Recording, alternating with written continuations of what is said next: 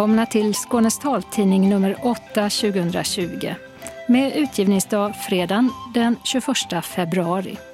Solen gick upp 7.19 i morse och går ner igen 17.24. I studion Åsa Kjellman Erisi och Birgitta Fredén. Och tekniker är Martin Holmström. Och det här är innehållet. En ensamkommande synskadad ung man tog sitt liv efter avslag på asylansökan. Nu kritiseras Migrationsverket av JK. Funktionshinderråden har många brister, visar ny kartläggning. Ett återkommande problem är sammanträdestider som gör det svårt för yrkesarbetande att delta, till exempel i Trelleborg. Det är pensionärer som eventuellt kan vara med och sitta på mötena men vi andra som är yrkesverksamma kan ju inte vara där klockan ett. Många nya samarbeten efter att Arbetsförmedlingen fått bakläxa. Och efter hård kritik backar Specialpedagogiska skolmyndigheten. Punktskriftkurserna för skolelever fortsätter som tidigare. Liberalerna vill ha en tillsynsmyndighet för LSS, både för att motverka fusk och se till att brukarna får det de har rätt till. Öppnat och stängt med hundcenter och second hand. Han trodde han skrev en smal och lite nördig bok om ål. Men boken har blivit prisad och försäljningssuccé både i Sverige och internationellt. Månadens ansikte i februari är Patrik Svensson som skrivit Ålevangeliet. Evenemangstips med syntolkningar och gammelskånska. Och kalendern med popcornsemla och bokrea. Anslagstavlan med regionala och lokala meddelanden samt ändringar i busstrafiken är idag gemensam för hela Skåne. Och sist redaktionsrutan. Migrationsverket får kritik av justitiekanslern för hanteringen av två bröders asylansökningar. De båda bröderna som var ensamkommande fick avslag på sina asylansökningar 2017 och skulle utvisas till Afghanistan. Migrationsverket ansåg att den äldre brodern, som var gravt synskadad, skulle ta hand om sin lillebror. Men två dagar efter utvisningsbeslutet tog den äldre brodern sitt liv. Nu riktar justitiekanslern kritik mot Migrationsverkets hantering av ärendet. Och enligt P4 Göteborg handlar kritiken bland annat om att Migrationsverket skulle ha tagit hänsyn till den äldre broderns funktionsnedsättning och psykiska tillstånd. Den yngre brodern överklagade sitt utvisningsbeslut och fick senare stanna i Sverige. Fel sammanträdestider, olika förväntningar, ensidig sammansättning. Ja, det kan finnas många skäl till att funktionshinderråden inte ger personer med funktionsnedsättningar det inflytande som var tänkt. Företaget Funka har kartlagt hur personer med funktionsnedsättning i Skåne kan påverka beslut som rör dem så kallad aktiv involvering. Där har funktionshinderråden en viktig roll. Emil Geirot är utredare. Ett stort problem är ju den höga medelåldern som många funktionshinderråd har. Det är ju så att det är allt färre som engagerar sig i föreningar och funktionshinderrörelsen är inget undantag. Och eftersom funktionshinderråden är beroende av att det finns en aktiv funktionshinderrörelse lokalt för att få ett, liksom, ledamöter till råden så blir ju det här ett problem. Men vad får det för följder då att eh, medelåldern är väldigt hög? Dels så får det ju följden att man kanske får ett lite annat perspektiv. Man kanske inte får hela perspektivet. Eh, personer med funktionsnedsättning är ju en bred grupp och eh, de problem som yngre personer med funktionsnedsättning ställs inför kanske inte alltid är samma som de, person, de problem som äldre personer med funktionsnedsättning ställs inför. Eh, man kan ju till exempel titta på skolan och eh, yrkeslivet och hur det ser ut på de områdena. Eh, och det, kan, det är väl inte säkert att man får med sig de perspektiven om man inte har personer som har egna erfar erfarenheter av det. Kartläggningen av funktionshinderråden är beställd av Länsstyrelsen som har regeringens uppdrag att hjälpa kommunerna och regionerna att genomföra funktionshinderpolitiken. Råden är olika stora, från åtta medlemmar i Hör till 33 i Lund och har många namn. Funktionshinderråd, tillgänglighetsråd, funktionsrättsråd, ja även handikappråd förekommer fortfarande. Men de fungerar i stort sett likadant. Representanter från funktionshinderrörelsen, och politiker och tjänstemän från kommunen sammanträder fyra gånger om året och dryftar ofta samma frågor om och om igen.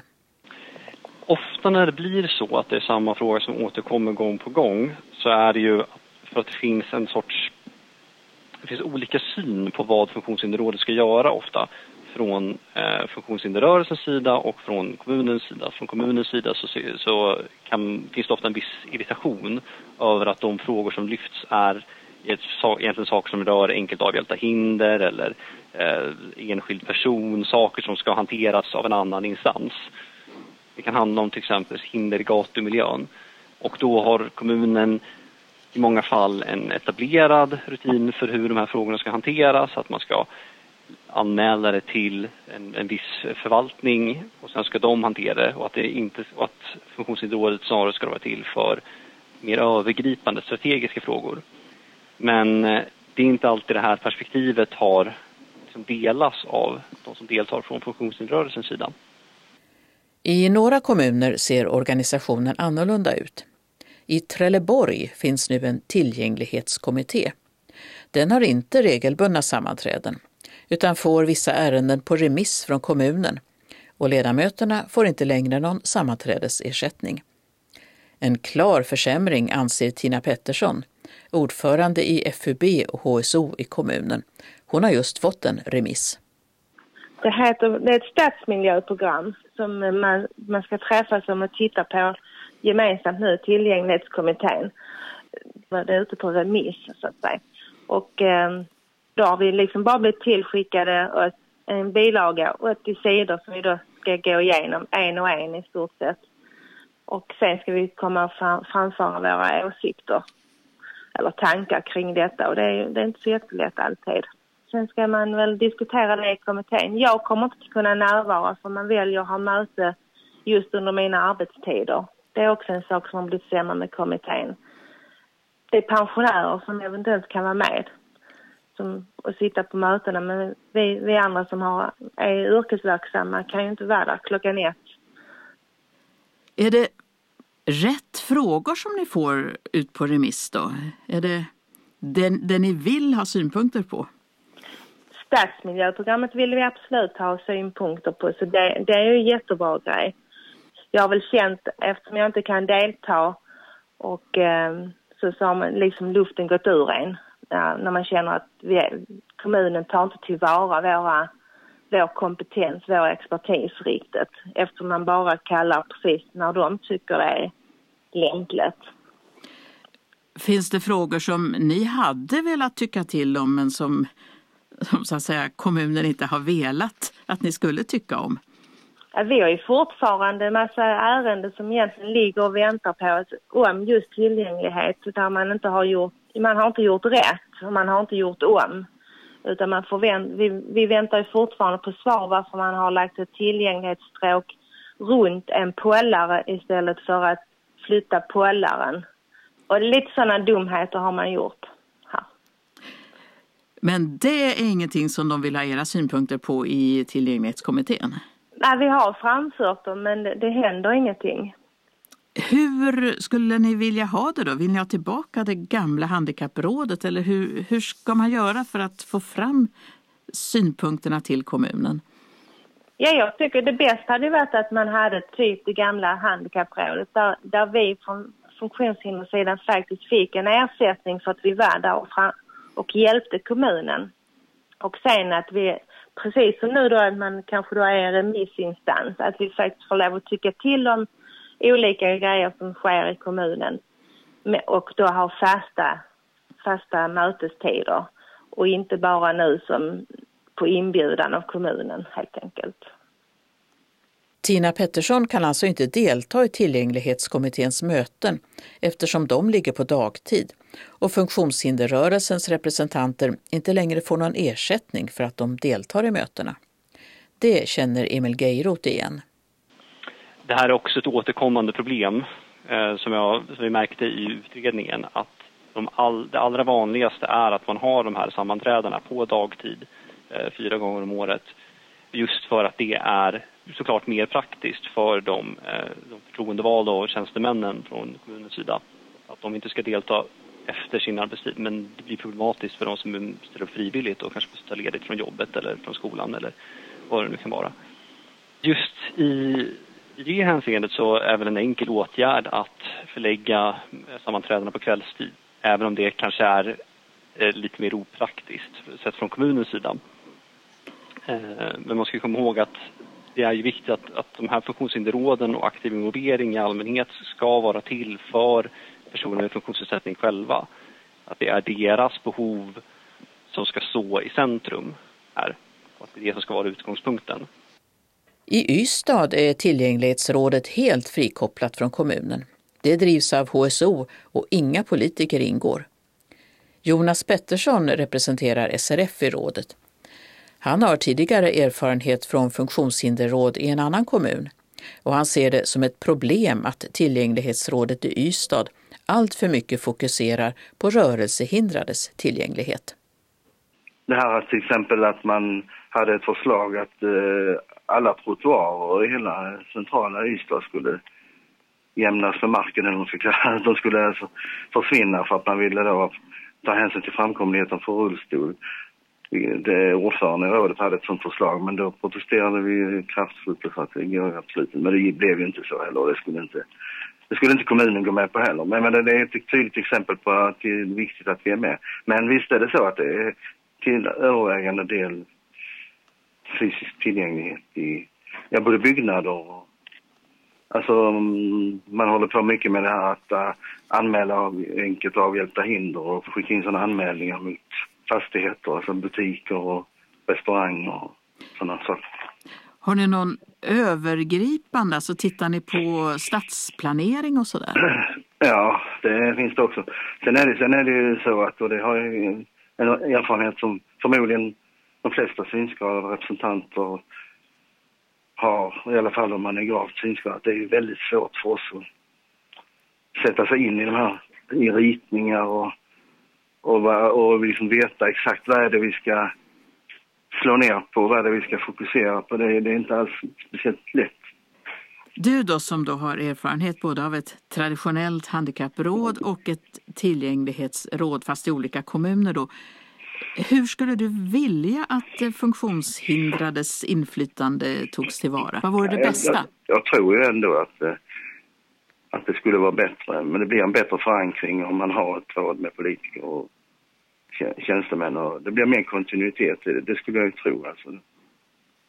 Och så skulle jag helst vilja att ett sånt råd lydde under direkt kommunstyrelsen istället för som det ofta är socialnämnd eller så vidare. För att då, just att man ska kunna få helheten mer, att det inte bara blir de här frågorna. Att det blir skolfrågor för barn, funktionshindrade barn i skolan och, och ja, kultur och jag menar det är så mycket som, som lätt eh, missas. Det, det, det är väl att det är enklast att jobba med de här fysiska tillgänglighetsfrågorna på något sätt. Funka har inte bara kartlagt rådens verksamhet. Man kommer också med förslag om hur inflytandet för personer med funktionsnedsättningar kan förbättras. Ett förslag är att kommunerna ska bedriva uppsökande verksamhet, säger Emil Geirot. En stor grupp som i närmaste är helt osynlig i funktionsrådets arbete är ju personer med intellektuella funktionsnedsättningar som ofta inte har förutsättningen att delta i ett funktionshinderråd med eh, den traditionella mötesstrukturen då är det kanske mer på sin plats att man arbetar uppsökande mot just den gruppen. Men råden har inte spelat ut sin roll, tycker du? Nej, för om man frågar de som deltar i råden så säger ju de flesta att de ändå är positiva till att de tycker att det, att det fungerar bra för dem. Men det, det, det är snarare det att det finns perspektiv som inte hörs i funktionshinderråden och att man då kanske behöver arbeta på en lite bredare front. Och, så att man inte tänker att funktionshinderrådet räcker utan att man arbetar på flera fronter samtidigt. Vi tycker också att man kan använda sig av digitala verktyg i större utsträckning än vad man gör idag. Om man ser på hur yngre personer vill interagera med den lokala demokratin så är det oftast via digitala verktyg. Om det inte finns de möjligheterna så är risken att de bara struntar i det. Och det är synd, då går man miste om de perspektiven. Du kommer ju då med en del eh, förslag på hur man kan involvera på ett bättre sätt. Men vem ska nu se till att de här eh, råden blir verklighet? Så Länsstyrelsen skulle till exempel kunna erbjuda eh, en utbildning om kommunala beslutsprocesser. Det ser vi som någonting som de skulle kunna göra. Men det huvudsakliga ansvaret för att uppgradera råden och få in fler perspektiv, det ligger på kommunerna och regionerna. Och det sa Emil Geirot, utredare på Funka, ett företag som specialiserat sig på tillgänglighetsfrågor. Vi hörde också Tina Pettersson, ledamot av tillgänglighetskommittén i Trelleborg och Jonas Pettersson i tillgänglighetsrådet i Ystad. Och det är alltså Länsstyrelsen som beställt kartläggningen och som tillsammans med Myndigheten för delaktighet ska ge kommunerna stöd för att öka delaktigheten i samhället för personer med funktionsnedsättningar. I slutet av året planeras en konferens i Länsstyrelsens regi där kommunerna ska redovisa vad som gjorts. Reporter var Birgitta Fredén. Arbetsförmedlingen ska finnas i hela landet. Det kräver regeringen och arbetsmarknadsminister Eva Nordmark. Arbetsförmedlingen beslutade förra året att stänga sina kontor på 132 orter i landet på grund av minskad budget som ledde till att personal varslades om uppsägning. Men inför 2020 fick Arbetsförmedlingarna i uppdrag att återställa servicen i hela landet. I veckan lämnade myndigheten en första rapport till regeringen där det framgår att man nu upprättat samarbete med kommuner och statliga servicecenter i 99 av de 132 orterna. I Skåne har Arbetsförmedlingen i Hässleholm flyttat till Statens servicecenter och dit kan man komma för spontana besök. För de flesta andra nedlagda kontoren i Skåne finns nu olika former av samarbete med kommunerna. Men för kontoren i Arlöv och Höganäs finns fortfarande ingen lösning. Senast den 15 juni ska Arbetsförmedlingen komma med en rapport om de återstående kontoren. Jag har varit tydlig med att skyltarna ska upp och att den lokala närvaron ska säkras. Det är glädjande att se att myndigheten så konkret jobbar efter de riktlinjerna, säger arbetsmarknadsminister Eva Nordmark i ett pressmeddelande. För drygt två månader sedan beslutade Specialpedagogiska skolmyndigheten, SPSM, att de omedelbart skulle sluta med sina kurser i punktskrift för skolelever och att det inte längre skulle ersätta resor och boende vid deras kurser för föräldrar till synskadade barn. Men kritiken blev för hård, bland annat från Synskadades riksförbund och Unga med synnedsättning. Och häromveckan backade SPSM nu har frågan hamnat i riksdagen. Så här lät det först i ett inslag i vår taltidningskollega Läns och riksnytt där vi hör SPSMs Ronny Kjellander. Vi är inne i ett utvecklingsskede där vi behöver fundera på hur vi använder våra resurser.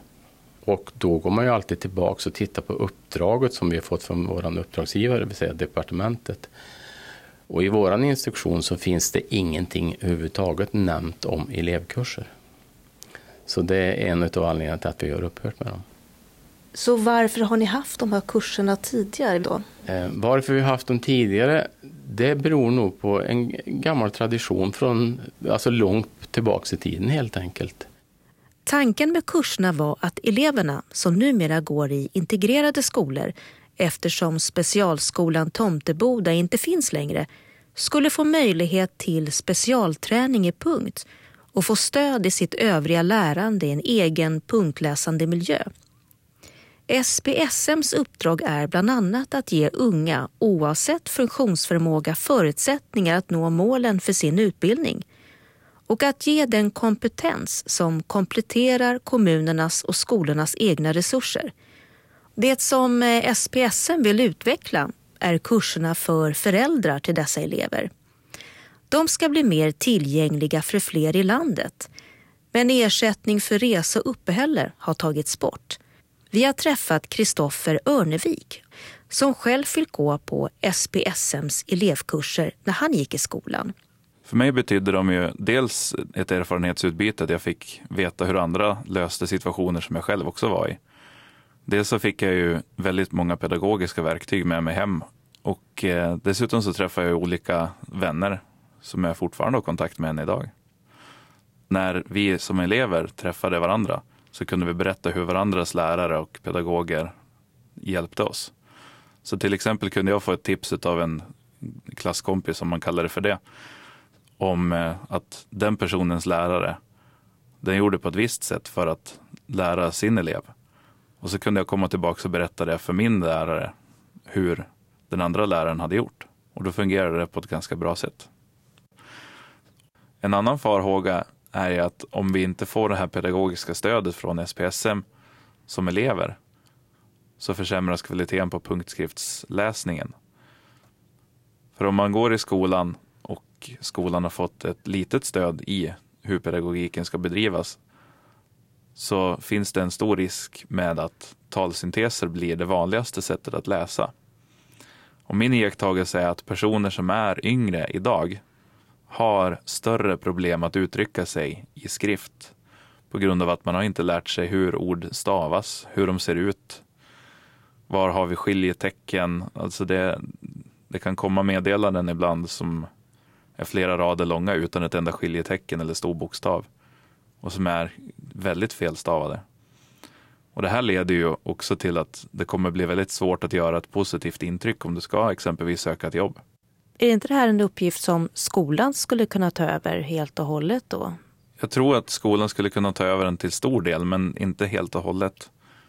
Om du inte har haft elever med synnedsättning under en längre tid så kommer det vara svårt att kunna ha så mycket kompetens i skriftspråket att du kan undervisa på den nivån som SPSM klarar av att göra.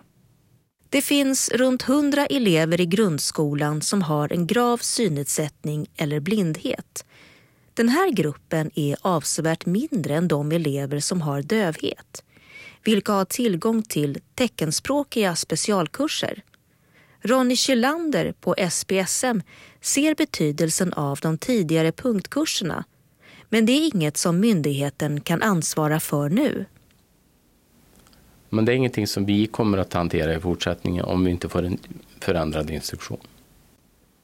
Ja, eller att ni gör som ni gjorde tidigare, lite som ni ville då, för att ni hade de kurserna av gammal hävd då. Ja, jag, kommer, jag kan inte agera som tjänsteman lite som jag vill, utan jag måste förhålla mig till instruktionen helt enkelt. Hur länge har du varit ansvarig för resurscenteravdelningen? Fyra och ett halvt år. Förstår jag dig rätt då att du under eh, åtminstone två års tid då har varit ansvarig för att det har funnits de här kurserna? Ja, det har jag varit.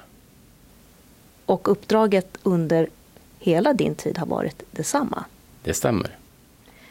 Ser du något eh, problem med jämlikhet här mellan olika funktionsnedsättningar? Det kan säkert finnas eh, ojämlikhet i, i sättet att se på olika funktionsnedsättningar. Storleken på målgruppen är också eh, väldigt olika. Eh, de resurscenterna som jag är ansvarig för så har vi väldigt olika målgrupper. Dövblinda, det är ett fåtal barn som är det i Sverige. Eh, barn som läser punktskrift eh, är också förhållandevis få. Barn som, eh, som ingår i målgruppen kring tal och språk, de är oerhört många fler. Så att vi hanterar ju dem på, på många olika sätt då, för att hjälpa så många som möjligt med de resurserna vi har.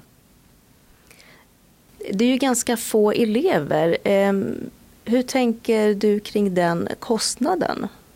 Är, är det en, stor, inte, är det en stor utgift? Det är så få elever. Är det en stor utgift för myndigheten? Ser man på myndighetens totala budget så är det inte en stor utgift. Det är det inte. Samma vecka som vi gjorde intervjun kom SPSM med ett nytt besked. De drog tillbaka sina beslut. Vi ringde upp Åsa Wikström Nilsson verksamhetsområdeschef för specialpedagogiskt stöd. Varför har ni ändrat er?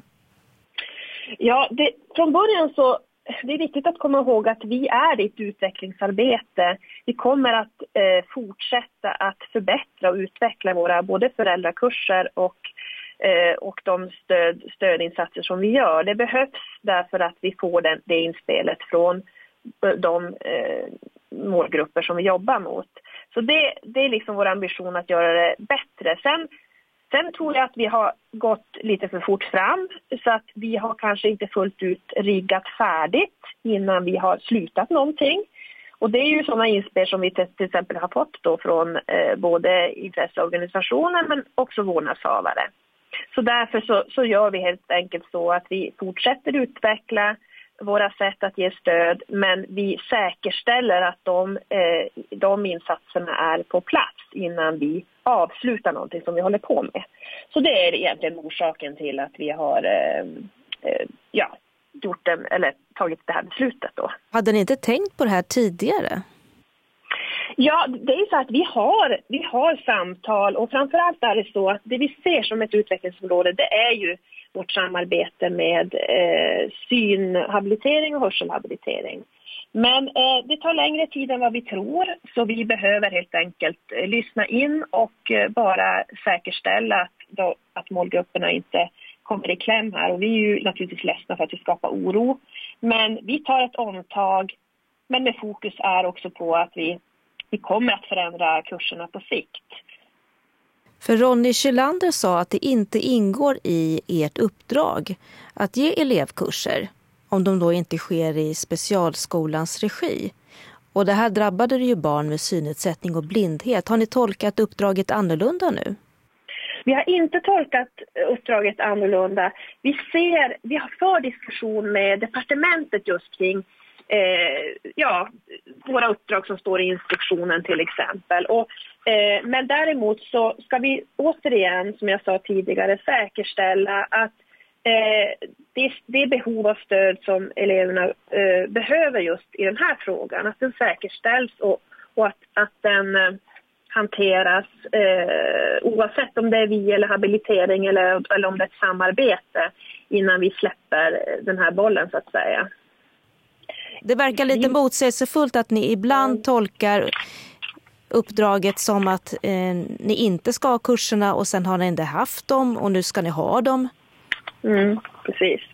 Jag kan förstå att det är lite, eh, lite förvirrande för, för er men då är helt enkelt så får vi göra så att vi, vi tar tillbaka frågan till oss. Vi, vi ser till så att stödet finns innan, innan de här nya sätten att arbeta på är på plats.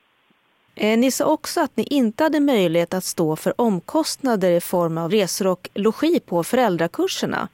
Men nu har ni det. Hur kommer det sig? Vårt omtag nu i år till exempel det är att vi ska ha föräldrakurser eh, på flera orter i landet istället. Vi åker ut och är närmare eh, så att fler föräldrar kan ta del av utbildningen helt enkelt. Så det blir, vi, vi ska ha utbildningarna men det, det blir mer tillgängligt under 20, 2020. Men ni kommer ändå att ersätta för resor och logi? Ja, men den kommer ju bli lägre förstås. Men på sikt så jobbar vi ju för eh, också att vi ska ha ett mycket, mycket bättre webbaserat stöd eh, som är lätt att tillgå. Det, det, kommer inte att kompensera fullt ut fysiska möten och träffar och så. Men det kommer att bidra till ett mer tillgängligt stöd. Tycker du att det här har påverkat trovärdigheten för er myndighet på något sätt? Eh, det kan det säkert ha gjort och det är därför vi också eh, tar tillbaka den här frågan. Fram till dess att vi har eh, fått till de här nya sätten att arbeta på så, så, så gör vi som vi har gjort sedan tidigare. Det sa Åsa Wikström Nilsson, verksamhetsområdeschef på Specialpedagogiska skolmyndigheten. Reporter var Aziza Dawadi. Och sen dess har frågan hamnat i riksdagen där Liberalernas skolpolitiska talesman Roger Haddad i förra veckan ställde en skriftlig fråga till utbildningsminister Anna Ekström. I den skriver han att SPSM planerar försämra sitt stöd inom punktskrift även om de tillfälligt backat och att hans parti inte uppfattat varför när behovet finns. Så nu vill Liberalerna veta vad ministern tänker göra för att säkerställa att stödet inte försämras. Liberalerna vill att det ska inrättas ett tillsynsorgan för LSS, lagen om stöd och service till vissa funktionshindrade. Och de kommer att driva förslaget i kommande budgetsamtal inför 2021 med regeringen. Bengt Eliasson, som är talesperson för partiet i funktionshinderfrågor och LSS, säger till Sveriges Radios ekoredaktion att en myndighetsfunktion behövs för att dels stävja fusk, kriminalitet och oegentligheter så att skattepengarna går rätt och dels se till så att brukarnas rättigheter uppfylls. Som förebild för tillsynsorganet ser Liberalerna Skolinspektionen. Öppnat och stängt i Helsingborg har ett gemensamt kontor med olika verksamheter, bland annat flera kommunala förvaltningar och Rädda Barnen, öppnat i den tidigare ICA-butiken på Vinertorget. Det är också tänkt att fungera som en mötesplats i området. I Sövestad har ett hundcenter invigts på Byabacksvägen 29. Tidigare har man sålt hundfoder här, men nu breddar man verksamheten med kurser, behandlingar och försäljning av allehanda utrustning och tillbehör. Det finns också en stor träningslokal och man håller på att färdigställer ett speciellt badrum där man ska kunna borsta, bada och klippa klorna på sin hund och som man ska kunna hyra. I Landskrona invigs second hand-butiken Öppna hjärtat nu på lördag den 22 februari klockan 11 till 15. Här saluförs kläder, möbler, skor och andra prylar och detsamma tas emot. Affären ligger på Rattgatan 1. I Malmö har klädaffären Benetton på gågatan med adress Södra Förstadsgatan 17 stängt. Också i Malmö har thai-restaurangen Green Mango flyttat efter 15 år på Ystadgatan 10. Ny adress är Färsens väg 5. Där serveras både lunch och middag. I lokalen har det tidigare legat två indiska krogar. I Ystad, Trelleborg, Simrishamn, Svedala och Skurup omvandlas fem nettobutiker till Coop-butiker från och med idag, fredagen den 21 februari. I Ystad ligger butiken på Kommandörsgatan 3, i Trelleborg på Engelbrektsgatan 66. I Simrishamn är adressen Stora Rådmansgatan 5 i Svedala Börringevägen 4 och i Skurup är det nettobutiken på Stora Torggatan 2 som framöver är en Coop-butik. Det var för snart ett år sedan som Coop köpte Nettos svenska butiker och nu omvandlas de efterhand. I Ängelholm har Galleri Moment som delat lokaler med biblioteket temporärt flyttat till Gamla rådhuset på Stortorget. Detta eftersom hela biblioteksbyggnaden renoveras. Boken Ålevangeliet, skriven av författaren och journalisten Patrik Svensson, är inte bara en succé i Sverige utan också internationellt. Boken har sålts till 33 länder och översatts till många språk. Månadens ansikte i februari är Malmöbon Patrik Svensson som ursprungligen kommer från Kvidinge i nordvästra Skåne. Sen boken kom ut är han tjänstledig från sitt arbete som journalist på Sydsvenskans kulturredaktion och han ägnar mycket tid åt att åka runt och prata om boken och den utrotningshotade ålen. Boken kom ut i augusti och sen dess har jag åkt runt ganska mycket och, och pratat om boken. Varit på bibliotek och bokfestivaler och kulturföreningar runt om i Sverige. Och det har varit väldigt roligt och det, och det gör jag fortfarande och kommer göra under hela våren också. Och hur är det att eh, stå och berätta om sin bok som man själv har suttit med länge? Alltså det är verkligen en eh, sån kontrast till själva skrivandet. Det här är min första bok men att skriva en bok är ju ett väldigt ensamt arbete. Och det är, jag tyckte det var väldigt roligt att skriva en bok men det är också mycket grubblande eh, och mycket tvivel inblandat och det är väldigt, väldigt ensamt liksom. Och sen komma ut och möta människor, och möta läsarna och helt plötsligt liksom eh, att allt det man har grubblat och brottats med i sin ensamhet plötsligt är tillgängligt för hela världen. Det är en märklig upplevelse men, men kul. Augustpriset 2019 i kategorin Årets fackbok tilldelas Ålevangeliet. Berättelsen om världens mest båtfulla fisk av Patrik Svensson, Albert Bonniers förlag. I november förra året fick Patrik Svensson motta Augustpriset för årets bästa fackbok. Och häromdagen så fick han Malmö stads näringslivspris inom kreativa näringar för sin debutbok. Och recensionerna har varit många och det är mycket positivt som har sagts om boken. Och författaren själv, han har lite svårt att förstå att det är om honom och hans bok Ålevangeliet som det hela handlar. På ett sätt är det lite svårt att ta till sig. Det är som att eh, det handlar om någon annan eller någon annan bok. Men eh, de gånger man lyckas ta det till sig så är det ju jätteroligt. Eh, det roligaste är kanske att möta människor som berättar att de har, tycker om boken eller att den har gett dem någonting eller att de har haft en upplevelse när de läst den. Och ofta människor som, som vill berätta om sina egna erfarenheter av ål eller av eh, om sina föräldrar, relationer mellan barn och föräldrar och sådär. Det är speciellt. Kan du känna att de ställer frågor som du vill ha för dig själv? Att du fortfarande vill ha kvar någonting själv? Det kan jag absolut göra. Det är en bok som handlar om äh, ålen, om, om äh, vilket märkvärdigt djur det är och den vetenskapliga historien kring ålen som är en väldigt spännande och intressant historia.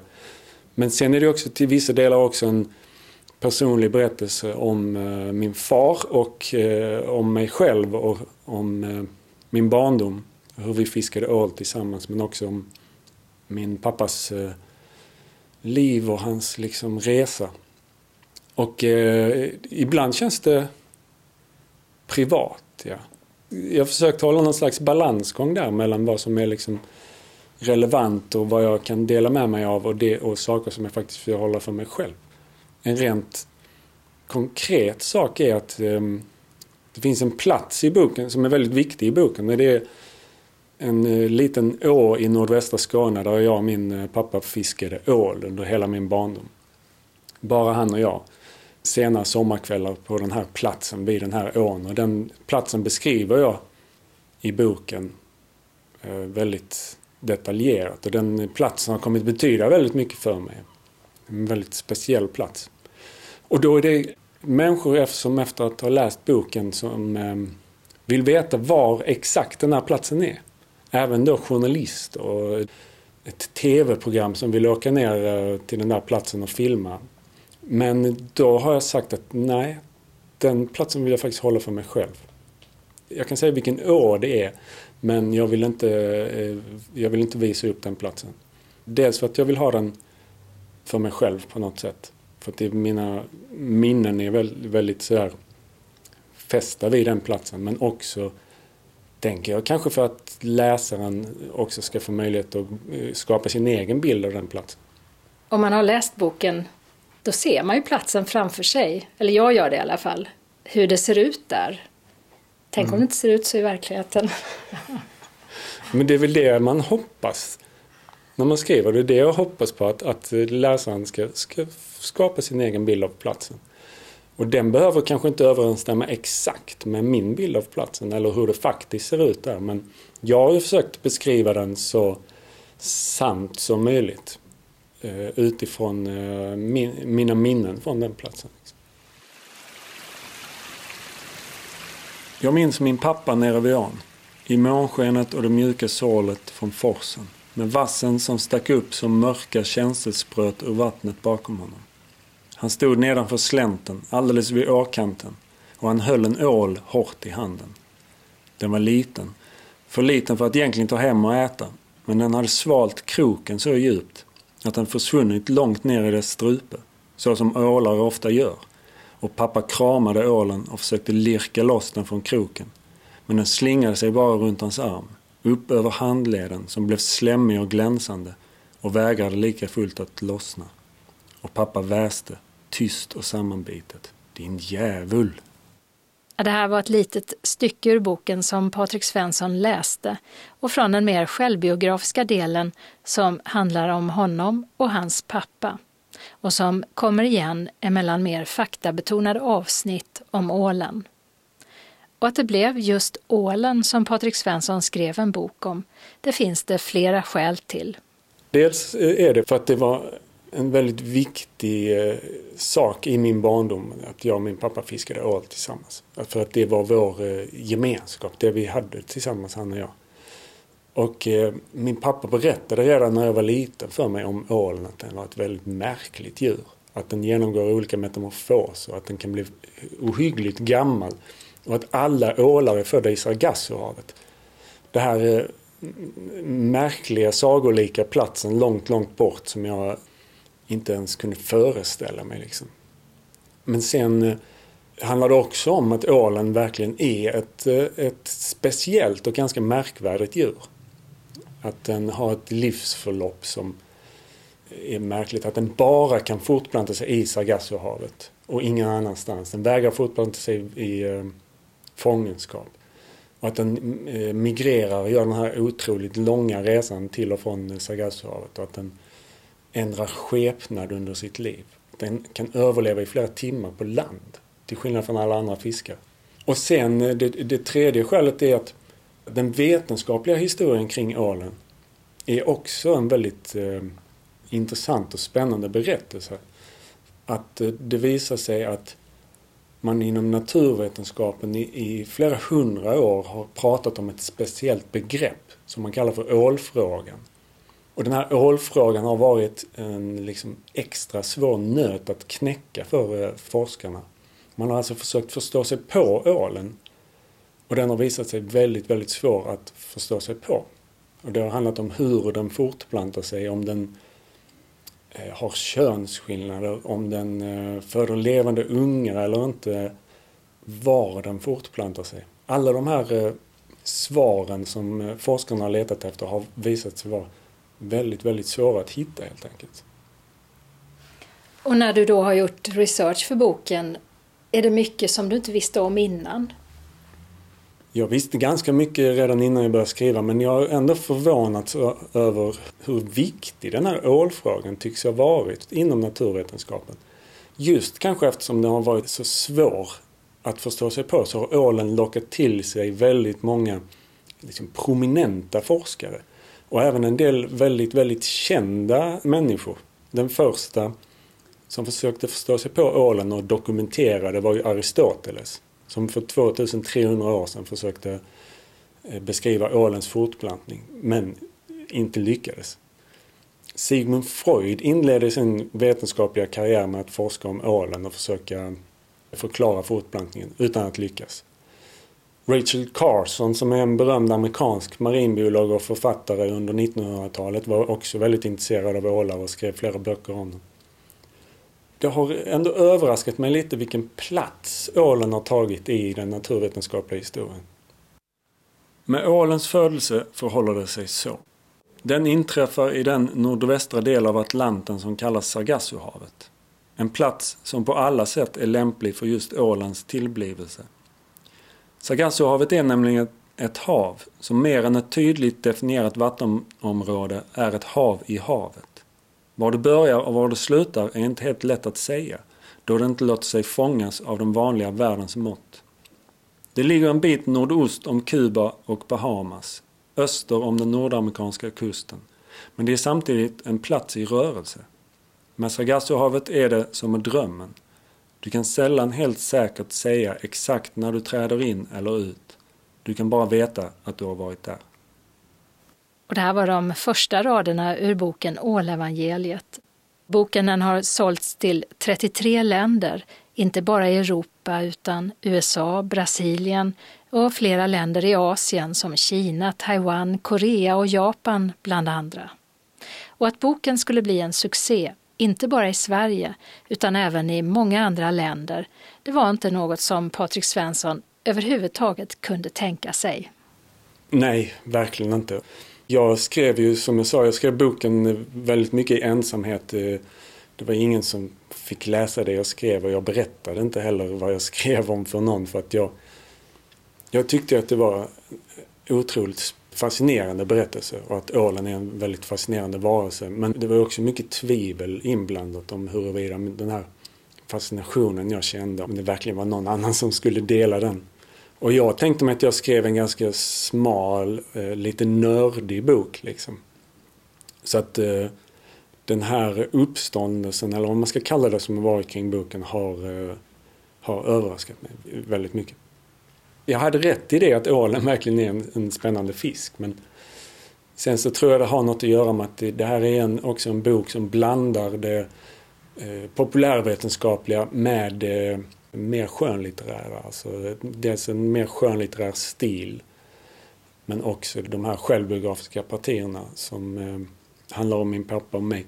Och hur då det liksom vetenskapen kan spegla sig i det personliga och vice versa på något sätt. Och jag, jag tänker mig att det är det som eh, det är det folk har tyckt om kanske. Och hur kom du på att du skulle göra så? Att du skulle blanda fakta med skönlitteratur? Från början var det mer, eh, jag tänkte att det var ett sätt att komma ämnet närmre på något sätt var att börja skriva om mina egna erfarenheter av ålen. Och, och, när jag gjorde det så hamnade jag ju nere vid eh, den här ån med min pappa vid min sida och under de här sommarkvällarna när vi fiskade ål. Och sen blev det verkligen som att den här ålens märkliga livsförlopp, den här resan, eh, att alla ålar i slutet av sitt liv måste tillbaks till Sargassohavet. Det är där de fortplantar sig och sedan dör. Att de har det här behovet att de måste tillbaks till sitt ursprung. Det blev ju också som en slags metafor eller som en spegling av min egen resa och det jag, det jag gjorde när jag faktiskt skrev om min barndom och min pappa. Att jag på något sätt också tog mig tillbaks till mitt ursprung genom att skriva om det. Ålens märkliga resa blir också som en spegling av alla människors resa. Vårt behov av att förstå var vi kommer ifrån och hur vi har blivit de vi blev. Har du varit vid Sargassohavet? Nej, jag har aldrig varit vid Sargassohavet. Och eh, det, på något sätt är det fortfarande en lite så här sagoliknande plats för mig. Men eh, någon gång kanske. Var är det märkligaste stället du har sett en ål någonstans? Jag har själv aldrig stött på en ål på land på det sättet. Men jag har hört, jag har träffat folk som har berättat att de har hittat så här eh, ålar i gräset på en golfbana och sådär. Det finns en gammal tradition i, i Skåne om, förr i tiden att man släppte ner ålar i brunnar. För att de skulle hålla vattnet rent och sådär. Och då finns ju till exempel berättelsen om den här Branteviksålen en ål i en, som levde i en brunn i Brantevik i Skåne och eh, enligt berättelsen ska ha blivit 155 år gammal. Ensam i 155 år i totalt mörker i en brunn. När man eh, fiskade upp den ur den här brunnen efter 150 år så hade ålen överhuvudtaget inte växt. Den var bara ungefär 40 centimeter lång. Tunn och blek. Men ögonen hade växt sig abnormt stora. Den hade typ dubbelt så stora ögon som en vanlig ål har. Som att den på något sätt försökt kompensera för det där kompakta mörkret under 150 år. Den dog till sist och då ska den ha varit 155 år gammal. Men man lyckades aldrig åldersbestämma den. Det är också typiskt för ålen att den, den ger inte upp sina hemligheter så lätt kan det tyckas. Det verkar som den nästan liksom medvetet försöker gömma sig för oss. Och att skriva fler böcker det är något som Patrik Svensson gärna vill göra. Men än är det för tidigt att säga om vad. Men hur han ska skriva, det har han ganska klart för sig. Det finns mycket jag är intresserad av. Jag skulle hemskt gärna vilja skriva fler böcker och jag hoppas komma igång med någonting snart. Men jag vet faktiskt inte riktigt vad, vad det ska bli. Jag har eh, olika idéer. Men jag tror på det här med att kunna skriva om naturen och om naturvetenskap men att använda lite mer liksom skönlitterära metoder. Det känns som att det är någonting jag skulle vilja utforska lite mer. Det jag till exempel upptäckte när jag skrev om ålens vetenskapliga historia var att det handlar inte bara om vad vi vet om ålen utan också hur vet vi det vi vet? När man ställer den frågan, hur vet vi det vi vet om ålen? Det är då man hittar berättelserna. Du hittar spännande berättelser om hur vetenskap fungerar och hur människor fungerar. Och du hittar också väldigt eh, intressanta karaktärer. Vetenskapsmän och kvinnor som har ägnat sina liv åt att försöka förstå liksom, världen omkring oss och beskriva den och förklara den. Om du skulle beskriva hur du ser ut, Hur ser du ut? Ja, jag är 186 centimeter lång tror jag. Jag har eh, rakat huvud. Jag har inget hår på huvudet. Däremot lite skägg. Ser väl ganska normal ut skulle jag säga. Vad har du för färg på ögonen? De är lite grönblå. Tror jag. Men jag är färgblind. Så att jag, men jag, folk säger till mig att de är grönblå. Men du gillar inte själv att äta ål va? När jag var barn tyckte jag inte om att äta ål. Men jag har lärt mig att äta rökt ål tycker jag är ganska gott. Men jag äter inte ål längre. För det är också en eh, viktig sak i den här boken och i berättelsen om ålen är att den är utrotningshotad nu. Och jag tycker inte att man ska äta utrotningshotade djur. Ålen är listad som akut hotad. Vilket är liksom den allvarligaste kategorin. Och man beräknar att beståndet av ål har minskat med mer än 95 procent bara sedan 70-talet. Och vad ser du själv för framtid för ålen? Jag hoppas ju att den ska finnas kvar såklart. Men ålen är ju eh, också bara ett exempel av väldigt, väldigt många arter som är hotade idag. Man pratar ju på allvar inom forskningen om att vi är på väg in i det man kallar det sjätte massutdöendet. Ett massutdöende är när väldigt många arter försvinner under relativt kort tid. Alltså dör ut helt enkelt. Och det har funnits fem stora massutdöenden tidigare i historien. Men det femte och senaste av dem skedde redan för 66 miljoner år sedan. Det var då alla dinosaurier dog ut. Långt innan människan hade satt sin fot på den här planeten. Och nu säger eh, allt fler forskare att det är på väg att hända igen. Man pratar om att eh, antalet arter på jorden kan vara halverat om bara 100 år. Och det är något jag också vill verkligen uppmärksamma med den här boken. Att genom att berätta om ålen också visa på något mycket större som är på väg att hända. Som vi måste vara medvetna om och som vi måste ha kunskap om för att om möjligt kunna vända på den utvecklingen. Och det sa Patrik Svensson, månadens ansikte i februari. Åsa Kjellman i Risi hade träffat honom. Och i vårt förra talbokstips från Kävlinge bibliotek så var ett av boktipsen från Elisabeth Nordlander just Ålevangeliet. Och i löpsedeln på vår hemsida finns en länk om man vill höra det igen. Evenemangstips. Vi börjar med syntolkad film. Rolf Lassgård och Hedda Stiernstedt spelar huvudrollerna i den nya spelfilmen Min pappa Marianne. Filmen bygger på Ester Roxbergs bok Min pappa Ann-Kristin som hon skrev om sig och sin far Åke som var präst och valde att börja leva som kvinna. Filmen har biopremiär ikväll den 21 februari. Syntolkningen är för biobruk och finns i de vanliga apparna för ändamålet. Boken Min pappa Ann-Kristin finns som talbok och i punktskrift. Nu på söndag den 23 februari klockan 18 och en timme framåt ges konserten Bara Bach i Malmö Sankt Petri kyrka. Solister är Elin Skorup, Jenny Lom, Anna Einarsson, Amanda Flodin, Conny Timander, Jakob Block Jespersen, Per Färnesten samt en barockorkester under ledning av Peter Wallin. Och det är fri entré. Matbrist kan ställa till oro i landet. Så var det i Sverige under tiden före första världskriget. 25 000 personer deltog då i en hungerdemonstration i Malmö. Den 25 februari 1830 talar journalisten och författaren Folke Szymanski utifrån sin bok Mat, en krigisk historia. Det gör han på Malmö stadsarkiv. Szymanskis bok finns både som talbok och i punktskrift. Den 3 mars, samma klockslag, samma stadsarkiv, är temat automatrestauranger. I Malmö fanns ett dussintal sådana i början av 1900-talet, en av dem vid Triangeln. Det är författaren Christian Kindblad som föreläser. Den 17 mars 18.30 kallas föreläsningen Den lilla skillnaden. Det ska handla om svenskt och danskt utifrån barnlitteratur på båda sidor om sundet. Föreläsaren heter Lone Koltoft, lektor i danska och dansk litteratur vid Lunds universitet. Och hon föreläser på just danska. Den 18 mars 15 är det dags för Minnenas café Kom och berätta egna Malmöminnen eller lyssna till andras. Ingång till kvällsföreläsningar på Malmö stadsarkiv sker från Frisgatan 19C. annars via Bergsgatan 20 där man även går in till biblioteket och det är fri entré.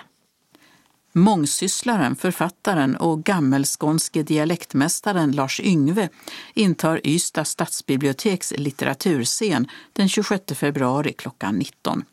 Biblioteket säljer förköpsbiljetter och de kostar 50 kronor. Bastionen är en kulturlokal på Norra Vallgatan 28 nära Centralen i Malmö. På Bastionen spelas för närvarande nyskrivna musikuppsättningar av olika slag. Musikaler, musikdramatik med mera.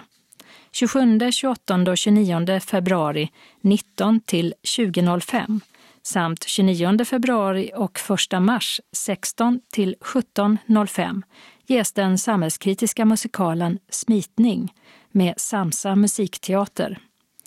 24 timmar på ett stygn är en musikal i modemiljö och den spelas 5, 6 och 7 mars 19 till 20.30. Kulturcentralen säljer biljetter. En söndagsbrunch med tema vägar till psykisk hälsa blir det på Klockaregården i Mellby söndagen den 1 mars mellan klockan 12 och 16. Så kallat skogsbad och social hållbarhet är något av det som diskuteras. Medverkar gör bland andra landskapsvetaren och coachen Marianne Larsson. Adressen är Norra Mellby 1161 i Sösdala och priset är 200 kronor. Mer information kan fås hos arrangören Fjorgyn på telefon 070 954 1435. Den nationella syntolkningsdagen infaller den 12 mars och då syntolkas Riksteaterkomedin Man får väl ställa upp på Lunds stadsteater klockan 19. Alla på bygdegården är medlemmar i varandras föreningar. Allt för att bidragen ska öka. Men så händer något som ställer det hela på ända. Den 7 april klockan 19 på samma stadsteater så syntolkas rock och transmusikalen Hedvig and the Angry Inch som är på turné Skåne runt. I Helsingborg syntolkas musikalen Äppelkriget som bygger på Hasse och Tages miljömedvetna 70-talsfilm med samma namn. Det sker på Helsingborgs stadsteater söndagen den 5 april klockan 16. På Helsingborgs arena ges Björn och Bennys schackmusikal Chess den 14 juni klockan 16 med Loa Falkman i en av huvudrollerna. Och hotellkomedin Pang i bygget, alltså den brittiska Fawlty Towers, syntolkas på Fredriksdalsteatern i Helsingborg den 30 juli klockan 19. Huvudrollerna där spelas av Eva Rydberg och Adde Malmberg. Biljetter och bokning till alla föreställningarna ordnas via syntolkning.nu. Ledsagare följer med gratis. Författaren och barnläkaren Lars H Gustafsson är aktuell med boken Glöd och visdom, mina vägvisare för barnets rättigheter. I boken skildras kvinnor som Ellen Key, Anna Lindhagen med flera som alla engagerat sig för barns rättigheter, men även sentida personer som Greta Thunberg och Malala Yousafzai. Gustafsson talar på Landskrona stadsbibliotek den 17 mars klockan 18 till 19. Förbokning rekommenderas på bibliotekets telefon 0418 47 35 00.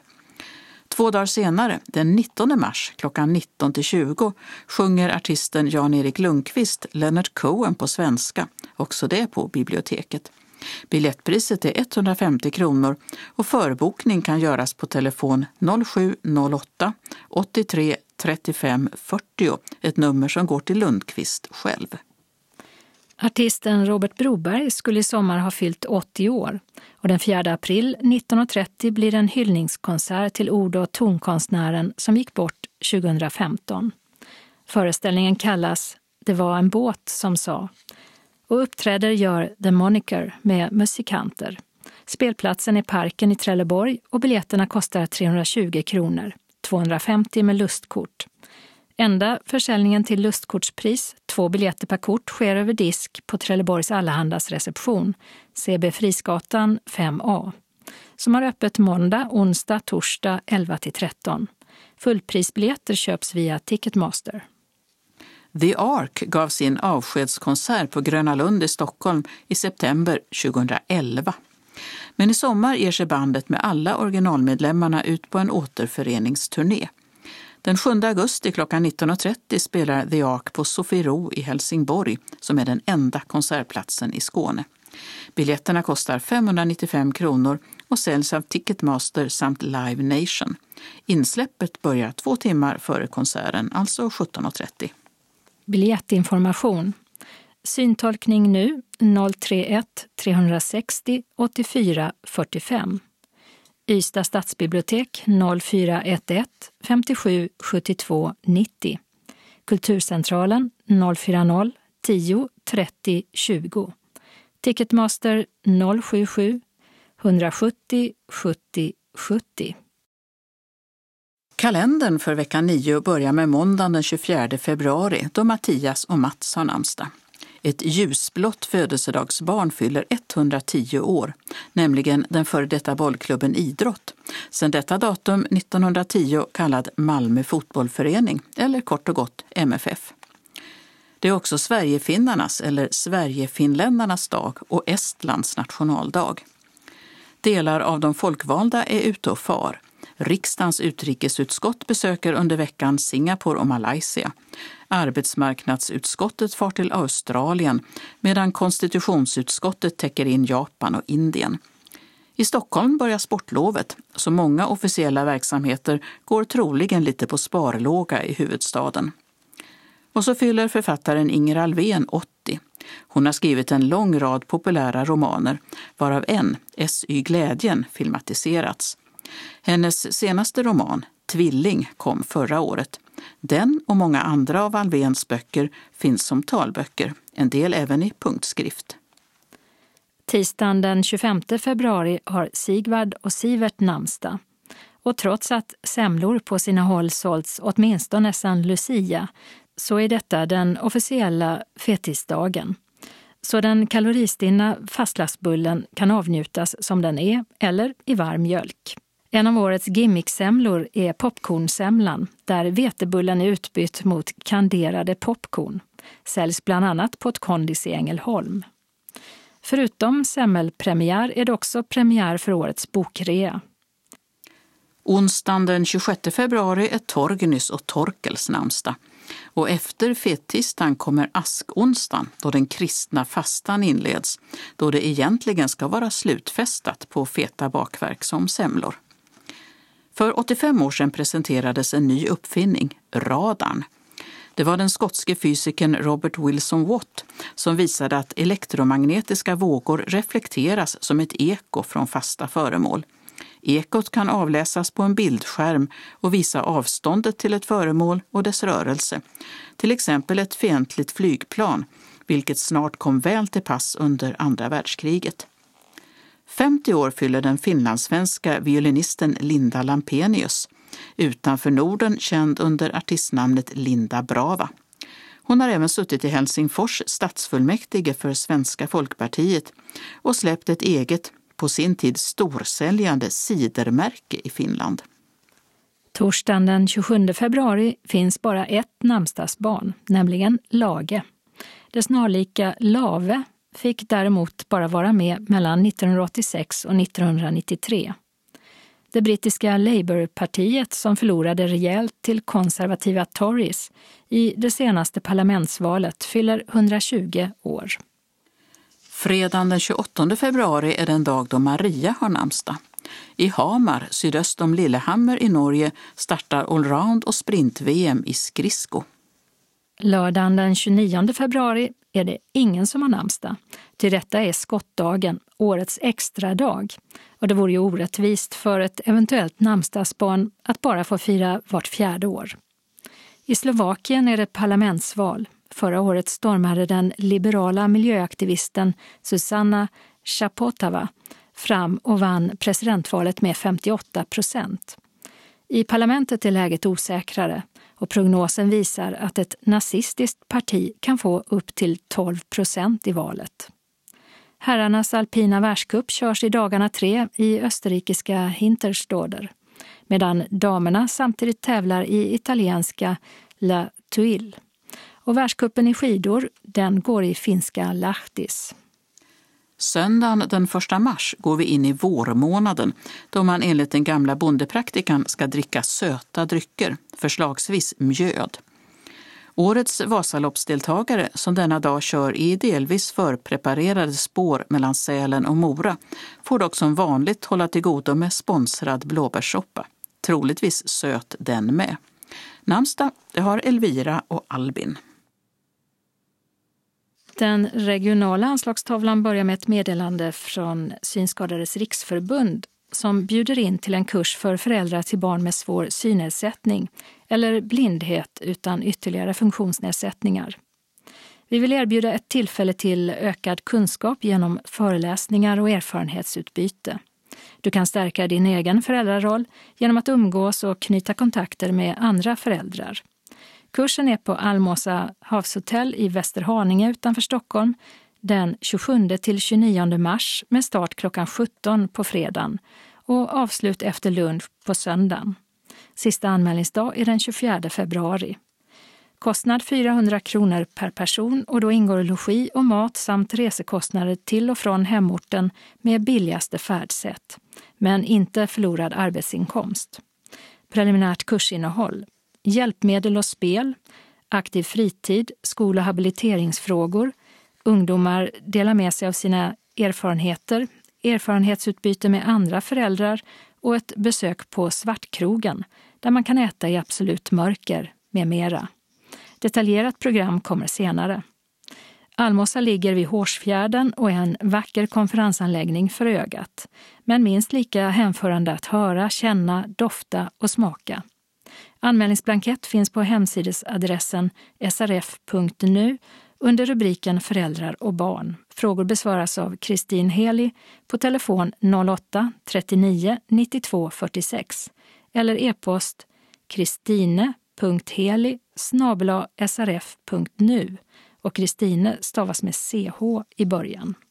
Välkomna! SRF Malmö inbjuder SRF-medlemmar i hela Skåne till föreställningen Tartuffe som syntolkas på HIP onsdagen den 15 april med samling klockan 18.15. Och HIP ligger på Kalendergatan 12 i Malmö. Priset är 220 kronor per person. Betalning sker med inbetalningskort som skickas hem eller med swish 123 077 8050 senast den 31 mars. Biljetterna delas ut på plats. Handling. Nu får man ju inte vara en riktig man längre, men det vågar man väl inte säga i det här jävla landet. Söker du efter något att tro på? Känner du att du förlorat dig själv och famlar efter mening? Tartuffe kan hjälpa dig. Komedimästaren Molières klassiker om den slipade bedragaren Tartuffe har klarat sig genom teaterhistorien i flera århundraden. När det kommer till skenheliga lögnare tycks tiden stå stilla. Orgon och hans familj lever ett mycket gott liv, men mitt i välståndet har något förlorats. Orgon hittar varken själsfrid eller harmoni, han har tappat greppet. Då dyker Tartuffe upp, en man med handlingskraft som vet hur Orgon ska få tillbaka makten i hemmet. Föreställningen börjar klockan 19 och håller på i två timmar och 30 minuter. Vi har förbokat ett begränsat antal biljetter. För medlemmar utanför Malmö utgår som vanligt reseersättning från SRF Skåne om kvitto har sänts in inom tre månader efter syntolkningstillfället. Du anmäler dig till SRF Malmös kansli på 040-25 05 40 eller info srfmalmo.se senast måndagen den 2 mars. Vid anmälan berätta om du behöver lur och eller ledsagning. Om ni skulle ha frågor innan föreställningen eller behöver komma i kontakt med någon så kan ni ringa Maj-Britt Ryman 070-324 6609. Hjärtligt välkomna önskar styrelsen. Den lokala anslagstavlan som är gemensam för hela Skåne börjar med fyra meddelanden från SRF Helsingborg Höganäs. Först onsdagsträffen som är den 26 februari 13 till 15.15 i SRFs lokal på Vaktgatan 3 i Helsingborg. Fikaavgift 30 kronor och dagens program är hemligt. Anmäl dig till kansliet på telefon 15 83 93 eller mejl info.srf.hbg snabelatelia.com senast tisdagen den 25 februari klockan 12. Välkommen! SRF Helsingborg Höganäs bjuder också in till söndagslunch den 1 mars 13 till 16 i SRFs lokal på Vaktgatan 3. Det blir grönsakssoppa, knäckebröd med bredbar ost, kaffe och kaka. Vi diskuterar något intressant ämne tillsammans. Deltagaravgift 50 kronor och sista anmälningsdag är tisdagen den 25 februari klockan 12 till kansliet. Helsingborg Höganäs berättar också om en träff i lokalen tisdagen den 3 mars klockan 14 till 16. Fikaavgiften är 30 kronor och vi träffas i lokalen för att umgås. Föreläsare Ulrik Alm kommer och det blir fika i vanlig ordning. Anmäl dig till kansliet senast måndagen den 2 mars klockan 12. Och man har också ett meddelande om prova på cirkelgympa måndagen den 2 mars klockan 14 till 15 i föreningens lokal Vaktgatan 3 i Helsingborg. Mikael Grönhed kommer för att visa cirkelgympa. Vi provar på rörelserna under 45 minuter. Om intresse finns blir det en fortsättning med 10 gånger under våren. Anmälan görs till kansliet på telefon eller mejl senast fredagen den 28 februari klockan 12.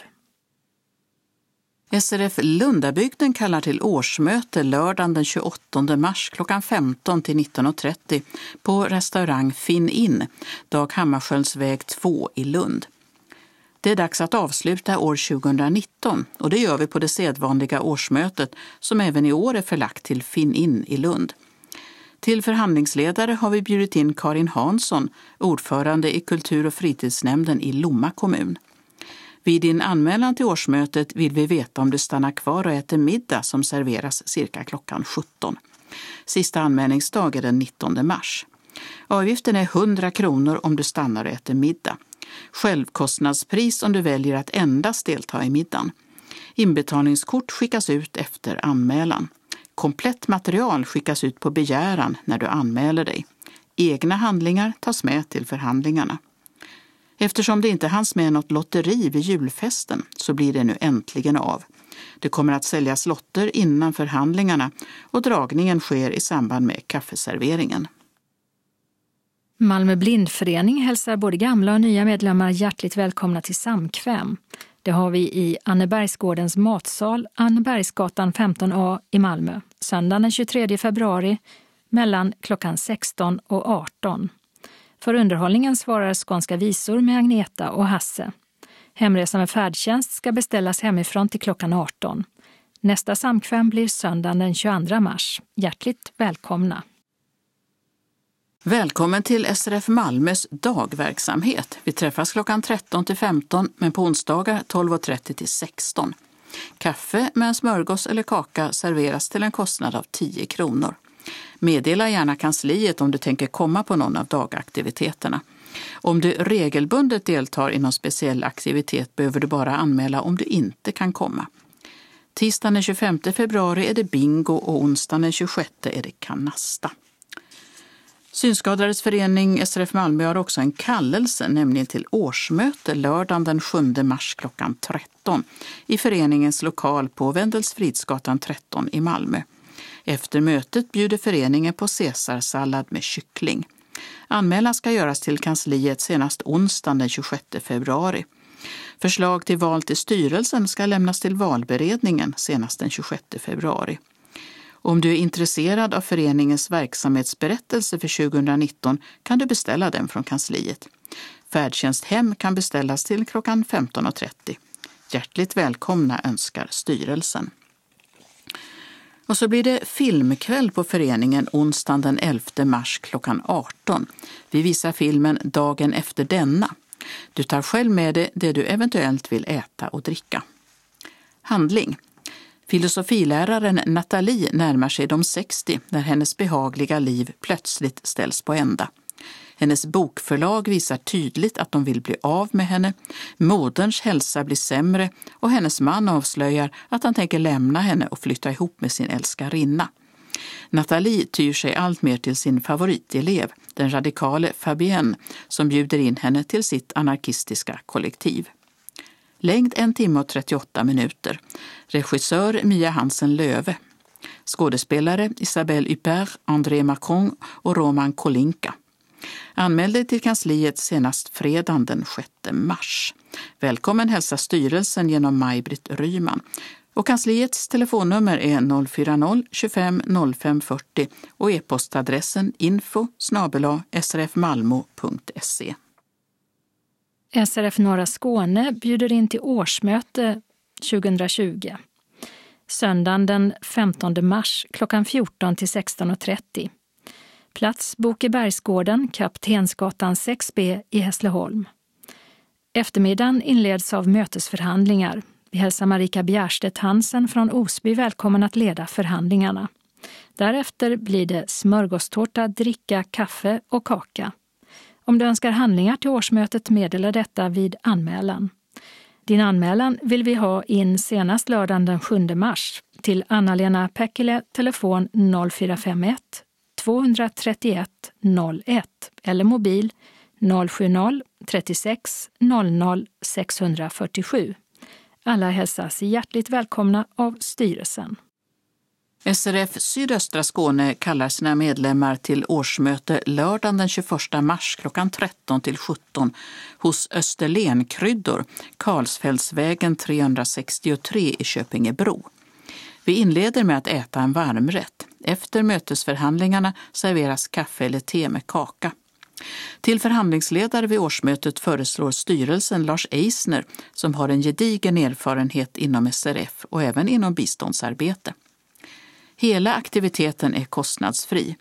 Medlemmar får som vanligt sina reskostnader ersatta mot kopia på färdtjänstfaktura. Vi måste ha fått din reseräkning senast tre månader efter årsmötet för att kunna betala ut ersättningen. Kom ihåg att på reseräkningen skriva ditt clearingnummer och bankkontonummer. Detta beroende på att vi har bytt utbetalningsrutin.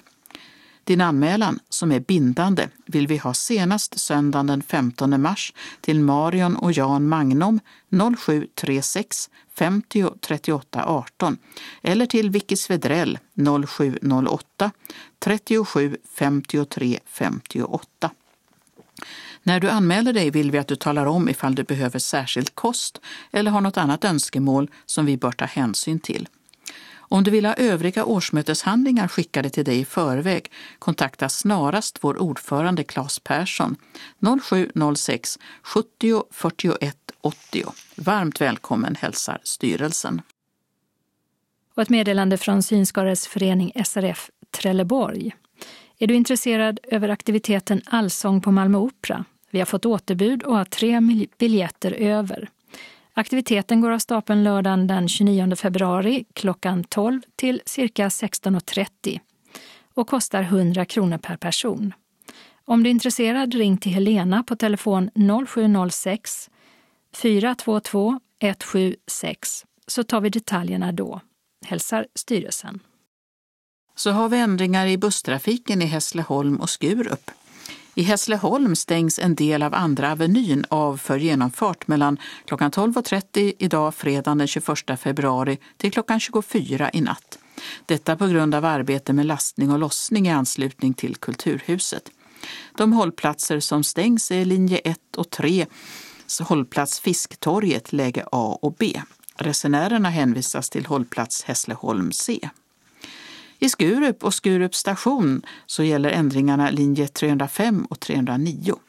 På grund av att hållplatsen Skurup station läge A ska byggas om hänvisas resenärer till ett tillfälligt läge i närheten. Åker man från Skurup station så avgår bussen cirka 20 meter längre bak i färdriktningen. Åker man till Skurup så stannar den cirka 20 meter längre fram i färdriktningen. Och så kommer det att vara från den 2 mars klockan 07.00 till den 16 mars klockan 07.00. Och det här var allt för denna gång. Nästa gång vi är tillbaka då är det fredagen den 28 februari. Skånes taltidning ges ut av Region Skånes psykiatri och habiliteringsförvaltning. Ansvarig utgivare är Martin Holmström. Postadress Jörgen Ankersgatan 12, 211 45 Malmö. Telefon 040-673 0970. E-post Skanes taltidning snabela skane.se och hemsida skanestaltidning.se. Observera att CD-skivorna inte ska skickas tillbaka till oss. Såväl skivor som kuvert kan läggas i brännbara sopor när ni inte längre vill ha dem. Vi hörs igen, hej då!